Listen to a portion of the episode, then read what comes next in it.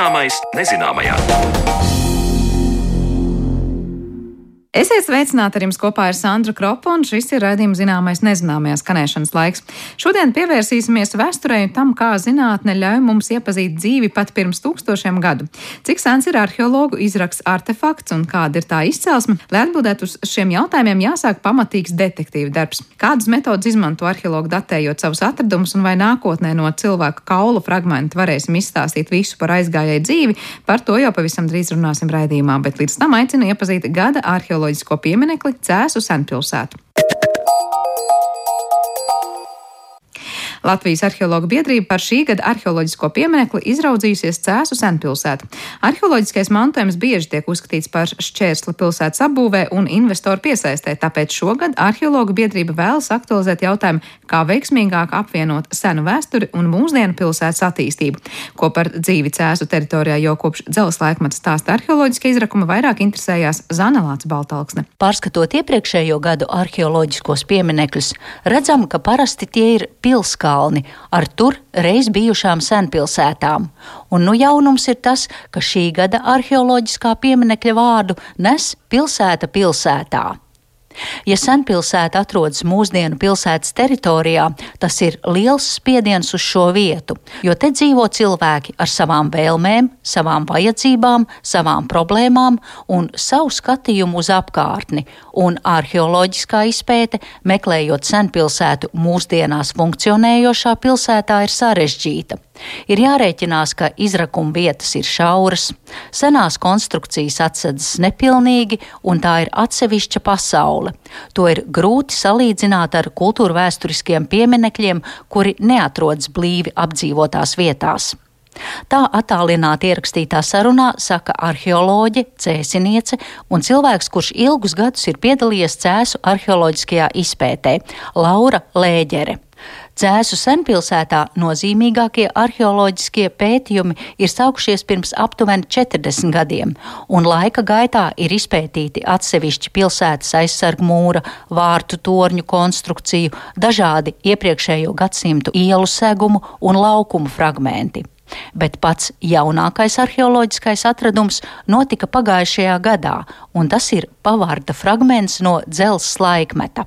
Par cēsīm runājot, ir zināms, ka Senie latgaļi cēsu apkārtnē dzīvo jau kopš 8. gadsimta vidus, tomēr pašā pilsētā ir līdz šim bijis tā, ka ir atrasti dažādi saurupu atradumi, tomēr tādas precīzas liecības par to, kur viņi dzīvoja. Tas ir vairāk zināms bijis no Indriča kronikas, jo visa šī pilsētas tālākā attīstība jau ir saistāma ar vēlāku laiku, jau ar 11. gadsimtu, ar vendiem un tālāk jau ar 13. gadsimtu, kad šī pilsēta jau veidojas par tādu viduslaiku pilsētu, sāk veidoties. Un um, pagājušā gada vasarā mums um, bija izpēte pils ielā viens, kur tāds pilnīgi pārsteidzošs atradums bija nepostīts pavārds, kas pilsētā nu, parasti jau ir daudzas lietas līdz mūsu dienām nonāk tikai fragmentāri. Tad šis nepostītais pavārds ar keramiku tajā bija liels pārsteigums. Un, skatoties pēc datējuma, tas varētu pat arī būt šis 8. gadsimta vidus. Tāpēc arī šajā vasarā mēs šos pētījumus plānojam paplašināt tieši šajā vietā. Kā jūs varējāt pateikt, ka tas ir seno latgaļu sadzīves priekšmets? Bet tādas konkrētas liecības par to, kurā vietā šie latgaļi dzīvo pilsētas teritorijā, līdz šim nebija. Protams, mēs no viena pavarda nevaram pateikt, ka tie bija latgaļi.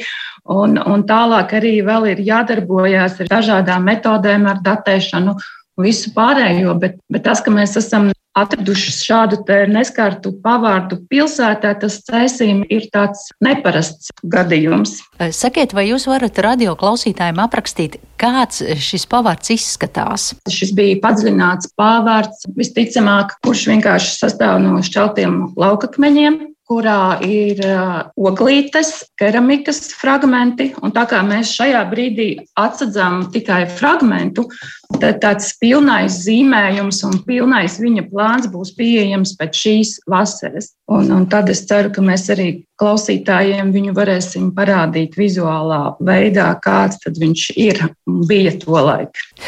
Turpinot runāt par šī gada arheoloģijas pieminekli par pašu cēsu senpilsētu, interesanti būtu uzzināt cēsinieku viedokli, kā viņi jūtas, ja viņiem katru dienu ir jādzīvo un jāsteigā garām šiem arheoloģiskās izpētes fragmentiem, proti vietām, kur notiek šī arheoloģiskā izpēte? Jā, tur droši vien darētu aptaujāt dzēsniekus pašus vairāk. Es arī esmu dzēsniece, bet nu, man varbūt tas eh, viedoklis ir um, daudz savādāks, kā viņš būtu citiem. Bet man īstenībā ļoti, ļoti patīk, ka ir šādā veidā pieejams. Tāpēc, ka visbiežāk šis tāds vidējais ceļnieks nepaņems rokās dažādus zinātniski pētnieciskus rakstus, publikācijas, un nekādā veidā nesapratīs, kas tajā viņa pilsētā tik sevišķs ir. Un šādos brīžos, kad mums ir ko parādīt, es vienmēr ļoti priecājos par to. Vienmēr cenšos atrast laiku, lai parunātos ar cilvēkiem, ar vietējo cilvēku, jo ir, ir ļoti būtiski, lai mēs visi kopā saprastu, ka šī ir mūsu kopējā pagātne, ka tas nepieder tikai tiem, kas pēta vai tiem, kas būvē vai kaut ko ceļ. Protams, attieksme ir dažāda, un tāpēc arī ir šis gada pieminiekļa tituls, lai par to runātu. Jo ļoti daudz cilvēku, protams, neizprot un uzskata šo par traucēkli, šķērsli, kavēkli. Tomēr ņemot vērā, ar ko mēs lepojamies un kas mums ir tāds sevišķs, ir parasti, ka šīs pilsētas uzsver, ka tur šogad ir 700 vai 800 gadi. Tad ir būtiski saprast, kur tad ir šis pamats, ar ko mēs lepojamies. Un tādā tiešā veidā, kad notiek pētniecība, to, manuprāt, ir visvieglāk saprast, parādīt, komunicēt ar cilvēkiem tieši tad.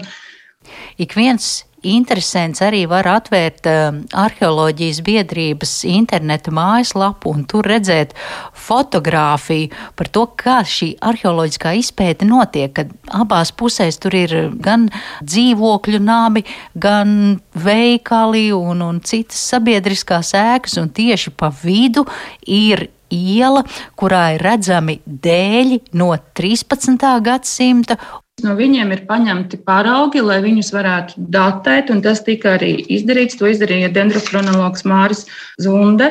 Tieši tāpēc mēs ļoti, ļoti precīzi zinām, ar kuru laiku mēs šeit uh, strādājam. Bija tā, ka principā tie dēļi bija nu, gandrīz pilnīgi apkārt un riņķī nekā, pēc kā mēs varētu precīzi teikt, un tie mūsu Pirmie minējumi bija 15. gadsimts, 14. tas, ka tās ir 13. gadsimta beigas. Un te jau pilsētas tādi paši, paši sākumi mums tajā brīdī pat eh, sākotnēji neienāca prātā. Un tāpēc šis datējums eh, kaut kā arī mūsu pašu acīs šo visu padarīja vēl vērtīgāku. Ļoti daudziem cilvēkiem ir zināmas cēsu pilsdrupas kā arī turpat līdzās muzejā var apskatīt dažādus eh, datus par senpilsētu. Bet, ja mēs šobrīd staigājam pa cēsīm, kas tad šobrīd, kur vēl paceļot acis uz augšu vai uz kādu māju, var redzēt, ka tas ir vēsturisks piemineklis. Pilsētas plānojums kaut kādā ziņā ir un nav mainījies. Un, ja šobrīd ir aktuāli dažādi pārbūves projekti vai pagalmu labiekārtošanas, tad ir bijis tā, ka nākas sastapties ar konstrukcijām, par kurām mēs neesam zinājuši pirms tam. Diemžēl ir tā, ka parasti visas šīs konstrukcijas atsaktā veidā nepaliek. Bet uh, no, tā, kas mums tas senākais ir palicis, tieši tā ir jāmin pilsēta viss šis mm, pilsētas mūris ap pilsētu, kuru fragmentus vēl var redzēt vietām, un baznīca, protams, bet eh, tā vizuāli šo senāko pilsētas daļu jau mūsdienās ir ļoti grūti tvert. Tieši tāpēc eh, tas eh, izglītojošais vai skaidrojošais darbs ir tik būtisks, jo nav tādu piemēru, kur varētu pārliecināt, kas tad ir zem šīs zemes, un, un ka tur tiešām var glabāties vērtības, un, un ka tās būtu pētāmas un audzējamas. Šī gada vasarā Cēsīs ir plānotas Eiropas arheoloģijas dienas. Pilsētā tiks izvietota informācijas telts, kur interesantiem stāstīs par pētniecības metodēm, par to, kas līdz šim ir atrasts un izpētīts Cēsu senpilsētā, kā arī cilvēki tiks aicināti paši piedalīties arheoloģiskās izpētes darbos. Tie, kas piedalās, tiem nav jābūt cēsiniekiem. Tie var būt jebkurš cilvēks, kuram ir gribēšana, vēlme, varēšana vasarā divas, trīs, vienu dienu paskatīties, kā tas ir piedalīties izpētes procesā, kā tas notiek. Un, un, un es zinu, ka pagājušajā gadā mums ļoti daudz teica, ka tas viņam ir bijis tāds mūža sapnis. Un tad ir ļoti labi, ka cilvēkam ir variants šo sapni piepildīt, jo visbiežāk viņš atskārt, ka tas patiesībā ļoti smags fizisks darbs, bet sapnis ir piepildīts. Aktuālo informāciju par šī gada arheoloģisko pieminekli var atrast arheoloģijas biedrības interneta vietnē Arheologu biedrība LV. Un, kā teica Laura Lēģere, tad viņa cer, ka tas būs labs sākums pārmaiņām, lai cilvēki apjaustu un saprastu, kā ir dzīvot līdzās senvēsturei. Tik tālu par pilsētu, kas guļ zem mūsdienu cēsu ielām, bet raidījuma turpinājumā skaidrosim, kā arheologi nosaka atrasto priekšmetu vecumu un kā te tālāk nāk tehnoloģijas.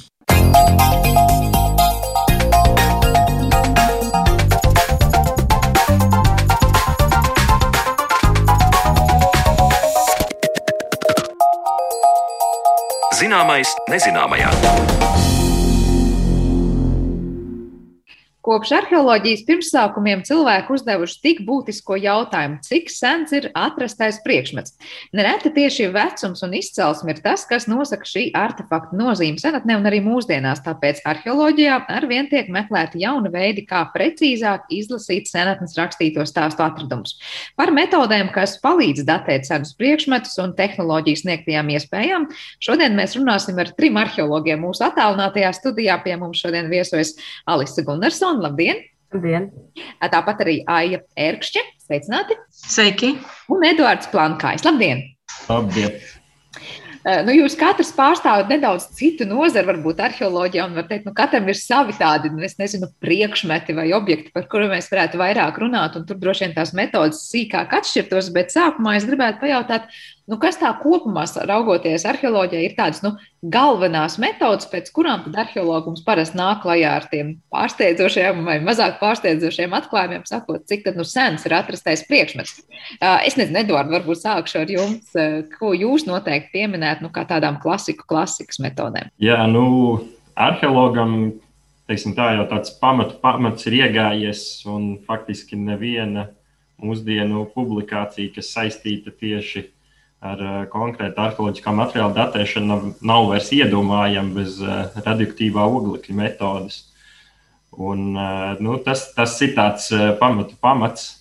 Protams, metode ir attīstījusies arī laika gaitā, un tas laika nogrieznis, kas, kas sākotnēji 20. gadsimta vidū bija aptuveni 4000 gadu senām liecībām, nu jau ir izaudzis par aptuveni vēl 10 000 gadus vēl senākas liecības ir iespējams datēt ar šo metodi, kas, kas, kas mūsdienās jau ir, ir, ir attīstījusies un, un, un iegūst šo akceleratoru masu spektrometrijas metodi, jeb AMS veidolu. Un, attiecīgi, arī šīs kalibrācijas veids ir, ir, ir, ir precizējies. Bet, jā, es teiktu, ka radioaktīvā oglekļa, C14, kā mēs arheologi viņu saucam, sarunu valodā šī metode ir eh, pamata pamats. Un sanāk, ar to saskartos uh, vienalga vai arheologs, kurš pateiks, cik veci ir kauli, vai es nezinu, kaut kāda citi priekšmeti, vai nu, gluži māla lauskas mēs pēc šīs metodas nenoteiksim. Nu, es teiktu tā, ka gandrīz, uh, gandrīz jebkuru paraugu šādā veidā, jo, nu, dabā ogleklis ir sastopams ļoti plaši, gan uh, gan, gan teiksim, visā dzīvā dabā, gan ir atmosfērā. Līdz ar to tas ļaus datēt paraugus, kas, kas tieši tā, kā jau jūs minējāt, ir gan šīs dzīvās dabas paraugi, tie būs cilvēku un dzīvnieku kauli. Mēs tādā veidā varam datēt arī arī koksnes paraugus. Tur gan būs maza nianse, ko varbūt mēs iztirzāsim arī vēlāk, bet, bet tikpat labi, jā, arī keramiku, bet varbūt ne puši, gluži šo pašu keramikas sastāvu, bet, bet teiksim, tā, tas, kas ir palicis uz šiem, šiem altraukiem, proti šo piedegumu arī mēs varam datēt ar, ar radioaktīvu oglekli. Nu, Alisē droši vien jādod vārds, jo Alis mums ir cilvēks, kurš vairāk pēta tieši, es saprotu, keramikas izstrādājumus un arheoloģiskos atradumos specializējas šo klāstā, vai piebildīsiet kaut ko, ko var un nevar ieraudzīt tajos ar šo radioaktīvā oglekļa metodas palīdzību? Nu, īstenībā jau labi atbildēja. Ar keramiku ir tā, ka nu, dzīve viņa nekad nav bijusi, līdz ar to ogleklis īsti viņai nedara. Bet arheologs top ļoti radošs šajos brīžos, kad varbūt kādi piedagumi, kādi striķi, kas ir piesieti blakus, vai kas cits, kas ir atrasts tieši kodā iekšā, ko mēs varam savukārt nodatēt. Un tas dod konkrētu datējumu, vai nu koda pēdējais lietošanas laiks, vai nu pieņemamais, kad viņš varētu būt lietots. Un tas pats var arī ar dažādiem, piemēram, akmens cirvijiem būt, ka mēs nodatējam varbūt nevis pašu akmeni, jo mēs to nevaram, bet mēs paskatāmies, ar ko viņš bijis sasiets kopā vai kas viņā ir bijis iekšā. Līdz ar to šī metode top daudz plašāk pielietojama. Bet ir kaut kāda, nu, Tēdors mazliet jau pieskārās tam laika nogriezieniem, nu, cik tālā pagātnē tur var skatīties. Ir tāds limits, nu, teiksim, tā aiz tās robežas senāk mēs vairs paskatīties nevaram, nu, cik sens ir tas konkrētais priekšmets. Vai Kā jūs teiktu, tos mērogus, kuros ar šo metodi var datēt priekšmets, ir liels vai mazs? Nu, es teiktu, priekš tāda mm, cilvēka evolūcijas arī tie 50 tūkstoši gadi ir diezgan liels posms. Pret kosmosu uzbūvi, protams, tā ir niecīgs zīpsnis. Bet nu, līdz šim, jā, tie 50 tūkstoši ir aptuvenā šī robeža, kad ir uh, puses līdz uh, diezgan precīzi šos datējumus iespējams iegūt. Tur atkal uh, ir atkal ir tā smalkā nianse, kādā veidā šie, šie dati tiek kalibrēti, kas ir tas atskaites punkts, vai, vai tas ir plaši zināmais pirms Kristus dzimšanas, ko starptautiski apzīmē, kā nu, attiecīgi norāda šo dat, datējumu skaitli un tad norāda BC, kas, kas, kas ir šis saīsinājums no Before Christ vai arī uh, before present, attiecīgi šo atskaites punktu izmantojot mūsdienas. Un, uh, starptautiski tiek pieņemts, ka šis uh, termins mūsdienas ir viens konkrēts gada skaitlis, 1950. gads, un uh, kas tiek, uh, nu, ir izvēlēts kā atskaites punkts, uh, proti, saistībā ar 20. gadsimta um, vairākiem kodola izmēģinājumiem un arī kodola katastrofām, no kuriem mums tuvākā labi zināmā Černobiļa. Attiecīgi šajā 20. gadsimta vidū un nogalē ir, ir notikušas šīs ievērojamās konkrēto reģionu izotopiskās ekoloģijas izmaiņas. Nu, līdz ar to 20. gadsimta vidus, konkrēti 1950. gads, tiek izmantots arī šis, šis atskaites punkts, šī, šī datējuma uh, apzīmēšanai, ja izmanto uh, šo, šo atskaites punktu kā uh, before present. Uh, tad pirms ķeramies klāt citām metodēm, varbūt nezinu, kurš Edvards vai Alise, vai varbūt Aija vēlties izstāstīt, nu, kāds ir tas princips šai bieži piesauktai metodē. Nu, kā tad īsti darbojas tā radioaktīvā oglekļa metode? Jūs paņemat, piemēram, konkrēti, es nezinu, paraugu gabaliņu, tālāk, es nezinu, kurā laboratorijā, kādās iekārtās, kas tiek likts un skatīts, lai tad ieraudzītu beig beigās šo te uh, konkrēto nu, rezultātu. Nezinu, Jā, nu, tā kā es pats šo metodi uh, savā pētniecībā izmantoju vairāk, tad es attiecīgi varu arī uh, nedaudz vien, cenšoties nedaudz vienkāršot izstāstīt arī par, par šīs pašas metodas to pamata būtību. Proti, ogleklim kā elementam tiek analizēti stabilie un nestabilie izotopi. Attiecīgi 12. un 13. ogleklis būtu tie stabilie, kas laika gaitā ne, nenoārdās, bet uh, kā reiz šis uh, visvairāk interesējošais ir šis nestabilais uh, 14. ogleklis, kas, kas ir arī vāji radioaktīvs. Un, attiecīgi, tā, tās metodas būtība ir aprēķināt šīs proporcijas starp šiem stabilajiem un šo nestabilo uh, oglekli. Proti, tajā mirklī, kad dzīvais organisms iet bojā ar elpošanas un, attiecīgi, arī barības vielas uzņemšanas pārtraukšanu, šis 14. oglekļa izotops, viņš ne, nevien netiek vairāk uzņemts, bet laika gaitā arī samazinās. Un, ir, ir konkrēti ir, ir, ir ticis aprēķināts šis tā saucamais pusabrukšanas periods. Tātad laika posms, kurā pa aptuveni pusi ir, ir, ir samazinājies šis 14. ogleklis. Šis pusabrukšanas periods ir aptuveni 5730 gadi. Proti, tad attiecīgi ar šī, šīs iekārtas, šī akceleratora masas spektrometra palīdzību tiek aprēķināts šīs, šīs proporcijas. Un, attiecīgi, iegūts nu, attiecīgi vai nu 30 vai, vai plašākā periodā, 100 gadu nogriezienī, ar šādu precizitāti tiek aprēķināts šis dzīvā organisma bioloģiskās bojājas laiks. Proti, ja tas ir dzīvnieks, kad viņš ir nomiris vai cilvēks, un, attiecīgi, ja tas ir koks, kad šis koks ir ticis nocirsts. Proti, kad ir viņa šī bioloģiskais dzīves posms ir ticis pārtraukts. Tāpēc, kā jau minēju, sākotnēji ar, ar koka datēšanu ir, ir, ir būtiskas nianses.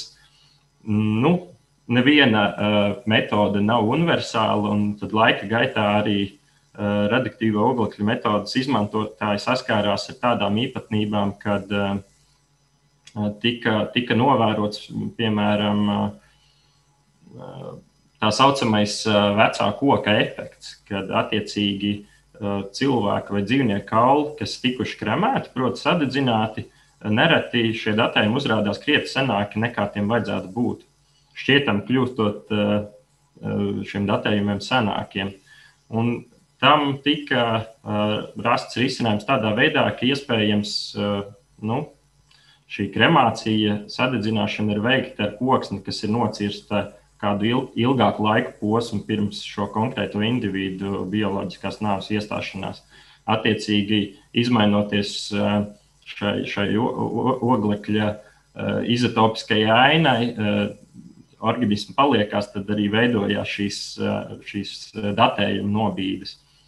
Un, attiecīgi, arī, ja tiek datētas kādas celtnes vai, vai priekšmeti, kas ir darināti no koka, ir vienmēr jāpatur prātā, ka tas ir nevis šī konkrētā priekšmeta izgatavošanas vai šīs konkrētās mājas celšanas datējums, bet tad, kad šī koksne ir tikusi nocirsta.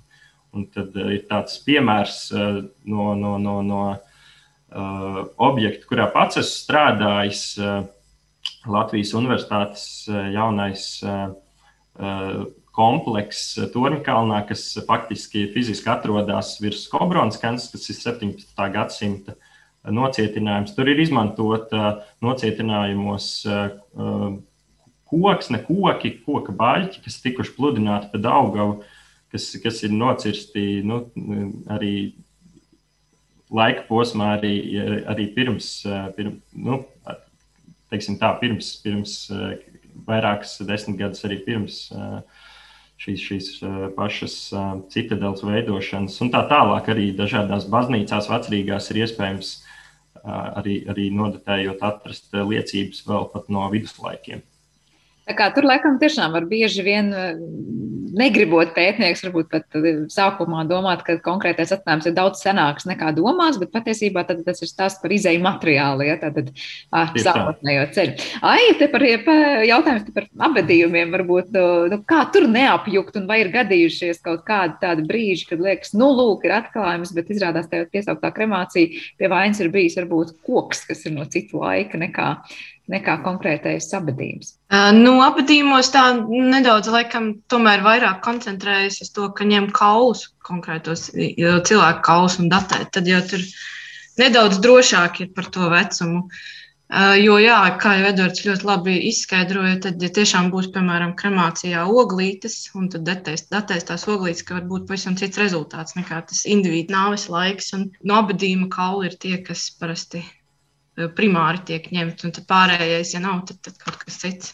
Kas ir tā aina, ko no abadījuma var nolasīt? Nu, labi, piemēram, no kauliem. Cik ļoti dažādu informāciju patiesībā arheologs var iegūt no tiem? Nu, es pat teiktu, ka ļoti, ļoti plaša informācija, sākot ar uh, tīri um, kaulu makroskopisko izpēti, kas ir uh, kaulu uzbūves un kaulu attīstības analīze, no kā mēs varam noteikt individu vecumu, pieaugušiem individiem uh, dzimumu. Uh, patoloģijas, dažādas, dažādas slimības, kas ir bijušas ilgākā laika periodā un atstājušas ietekmi uz kauliem, um, lūzumi.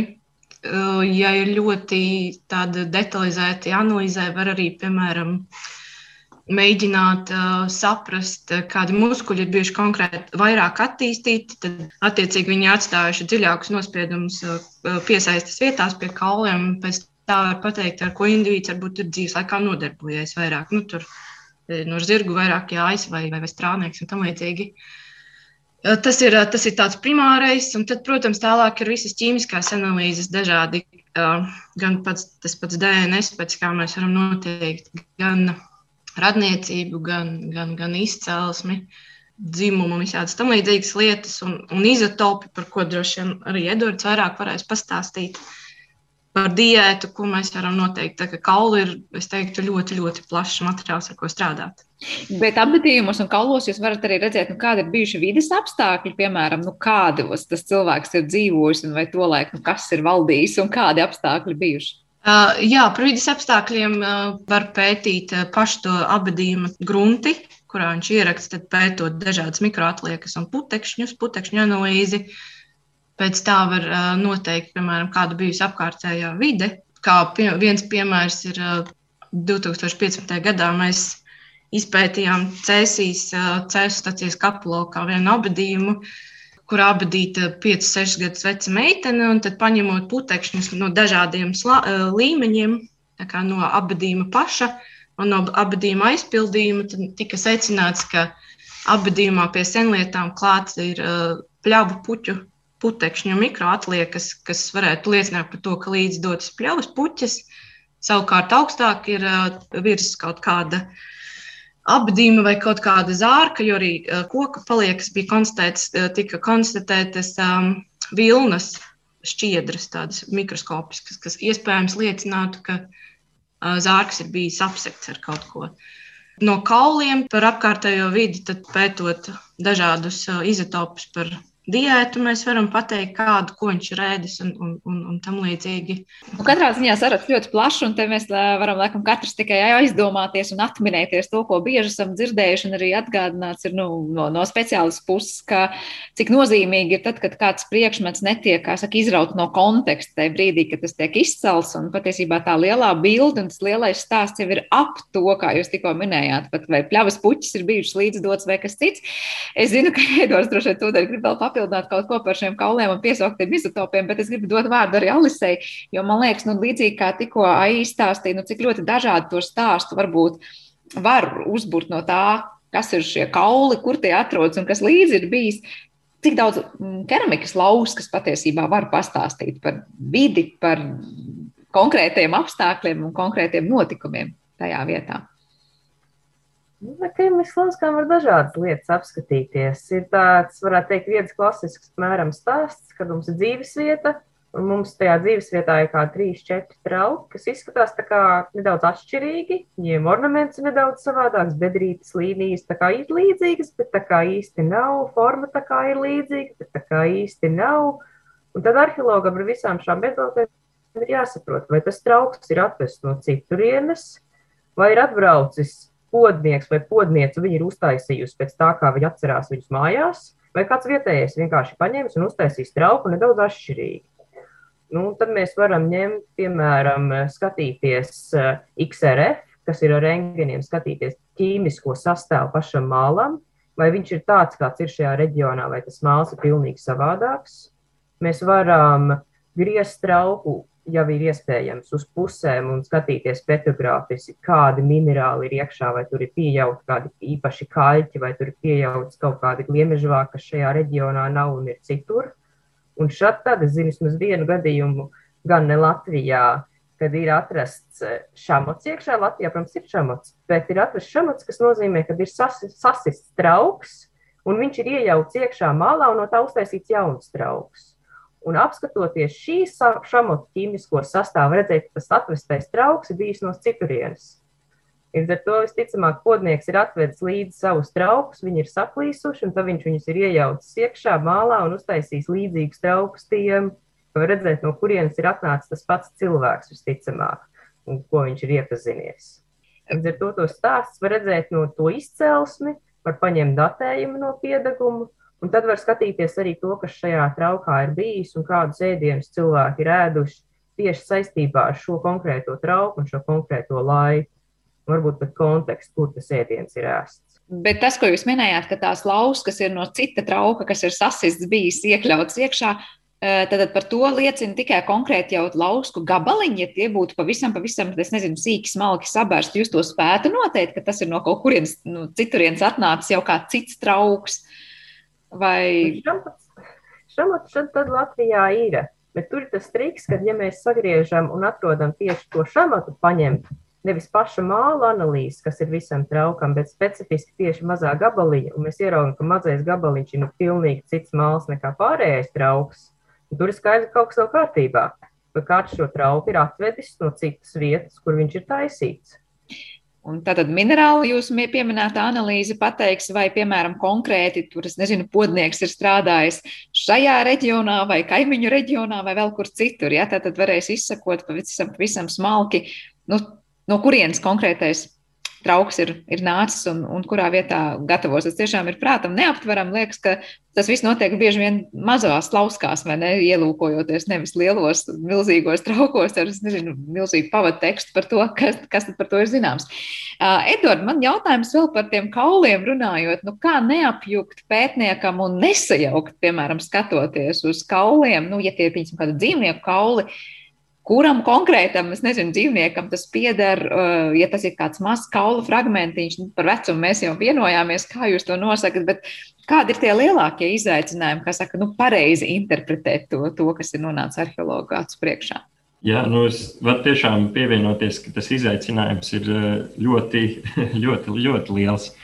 Jo visbiežāk jau arheoloģiskā materiālā, ja mēs skatāmies uh, tieši pēc dzīvnieku kauliem, viņi ir saglabājušies ļoti bieži pavisam nelielu fragmentu veidā. Tieši tā. Un uh, tad tas lielākais sākotnējais izaicinājums patiesi ir censties identificēt uh, specifisku, uh, specifisku sugu. Nu, tur tālāk nāk, protams, Karla Linneja klasifikācija, un tad attiecīgi ir jācenšas arī šajā nelielajā kaula fragmentā, ir jācenšas nu, pam, pamanīt šīs specifiskās konkrētās sugas iezīmes, kas, kas, kas būs vai nu kādam konkrētam individam ir, ir, ir novērojams kāds dzimuma dimorfisms, jeb atšķirības starp tēviņiem un mātītēm, vai savukārt atkal kādas pavisam smalkas nianses, kāds specifiska zoba pazīme vai leņķis vai, vai rievojums jā, nu, reizēm tās, tās eh, nianses ir pavisam ļoti nelielas, kas atšķirt no vienas uz otru sugu. Līdz ar to eh, tas nevienmēr ir viegls uzdevums.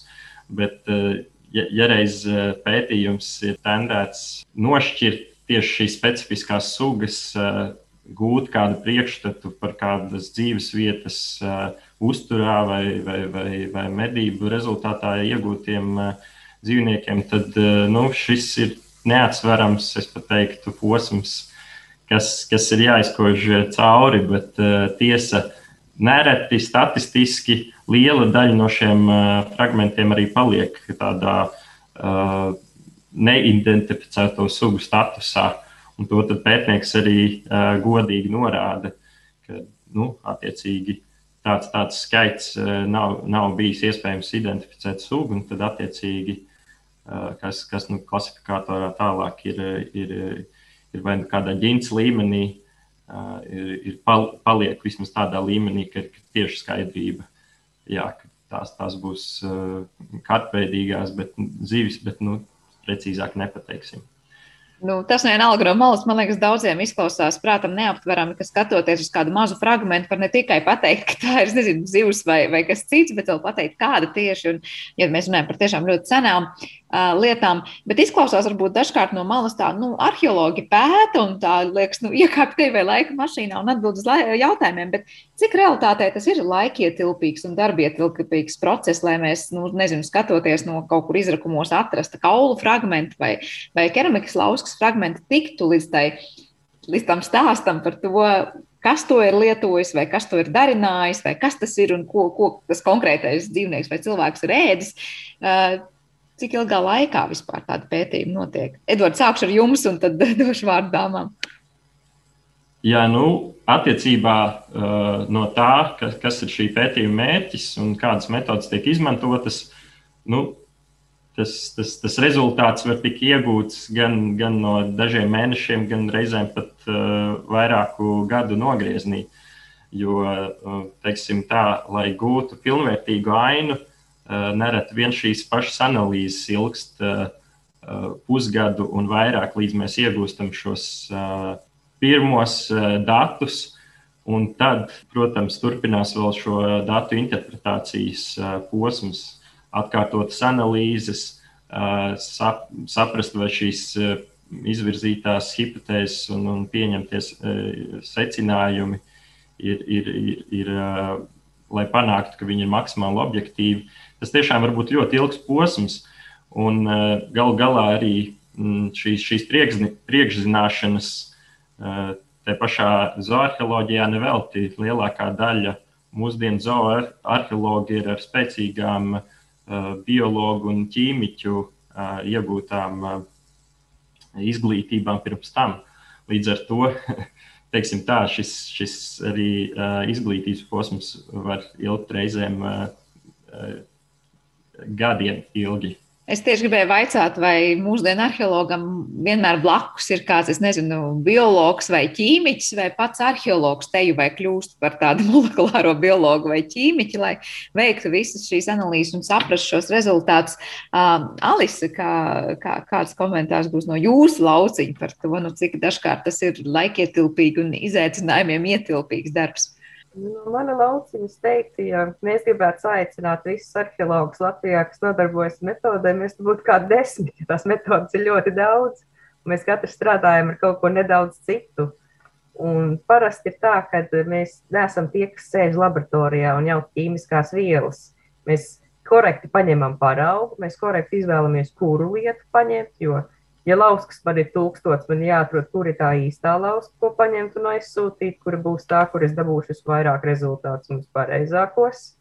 Un tā kā man atsūta atpakaļ no analīzēm, ka tur lūk ir tik un tik procenti dzels un tik un tik procenti mangāns, man jāsaprot, ko ar to darīt. Jo, ja es to nevaru interpretēt, ja es nevaru paskaidrot to stāstu, kāpēc šai lauskai mangāns ir tik un salīdzināt, ar paraugiem, kas jau ir ievākti, un māliem, kas jau ir vietēji atrasti apkārt un izdedzināti, tas vienkārši mangāns man neko nedod. Līdz ar to tā analīze var būt tik tāds gads, pusgads, bet tas māla savākšanas, izdedzināšanas, apstrādes, citu paraugu atrašanas, visas dokumentācijas izpētīšanas, ja nu izrakumos kaut kas ne tā ir izdarīts un tās lauskas patiesībā nevar lietot, tad nu, tas prasa gadus lai dabūtu tādus skaistus, vieglus stāstus, kas cilvēkam ir uztverams un kam mēs paši arī pēc tam ticam. Jā, jūs minētais mangāna saturs patiesībā arī, ja tikai šāda informācija, tas atkal ir izrauts no konteksta kaut kas, kas beig beigās kopainē nedod pilnīgi neko.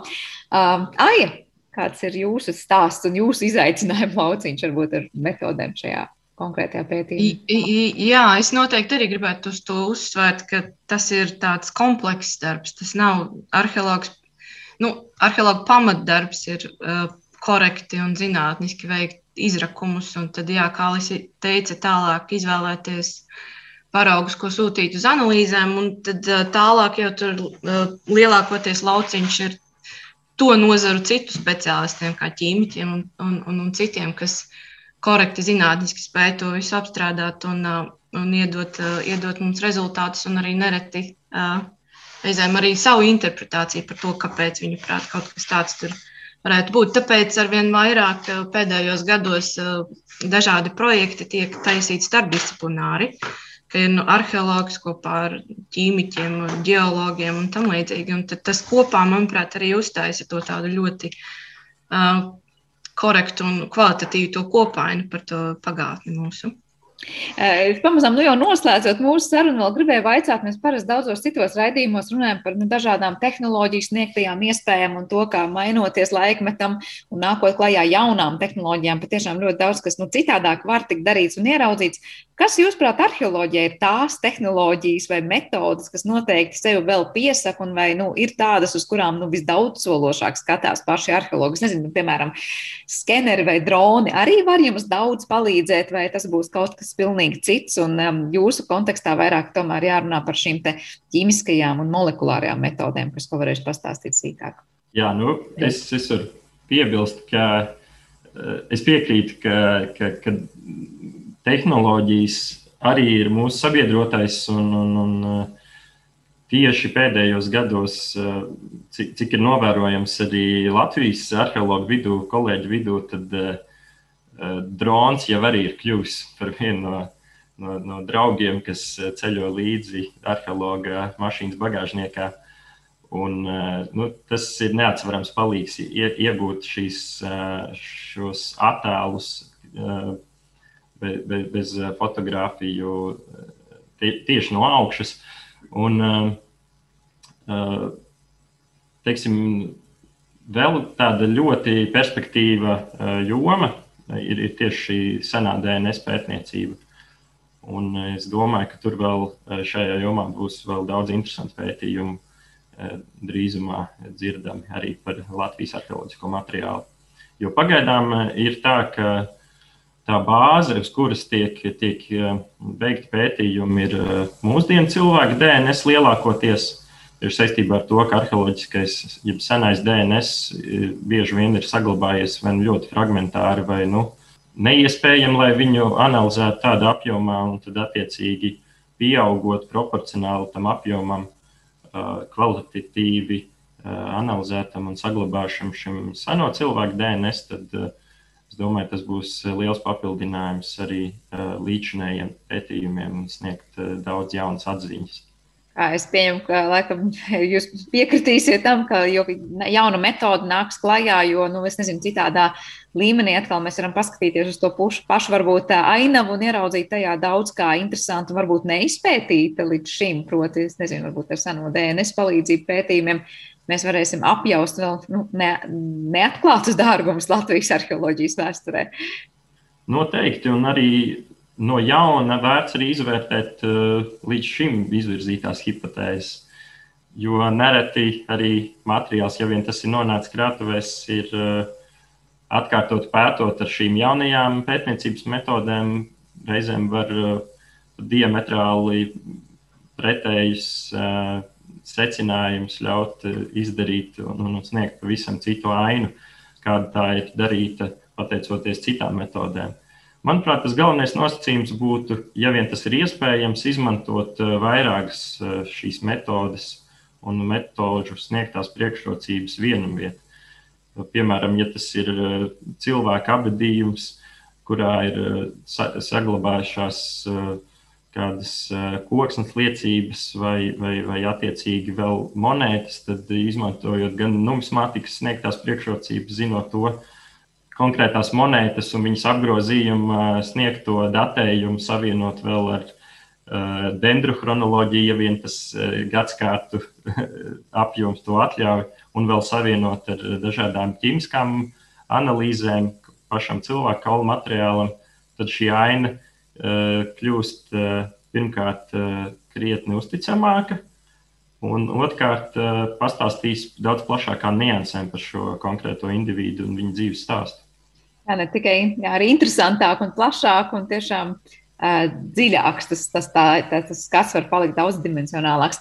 Lielas jums paldies par to, ka nedaudz ieskicējāt to, cik patiesībā sarežģīts un laikietilpīgs un darbietilpīgs ir arheologu darbs un cik ļoti klātesošs tajā ir nu, tādas metodas, kas drīzāk varbūt primāri asociējās ar ķīmiķu un biologu darbu. Bet liels paldies jums par šo sarunu. Es atgādināšu, ka mēs šajā raidījuma pusstundā dzirdējām arheologus Alisu Gunarsoni, Aju Ērkšķu un Eduardu Plantāju.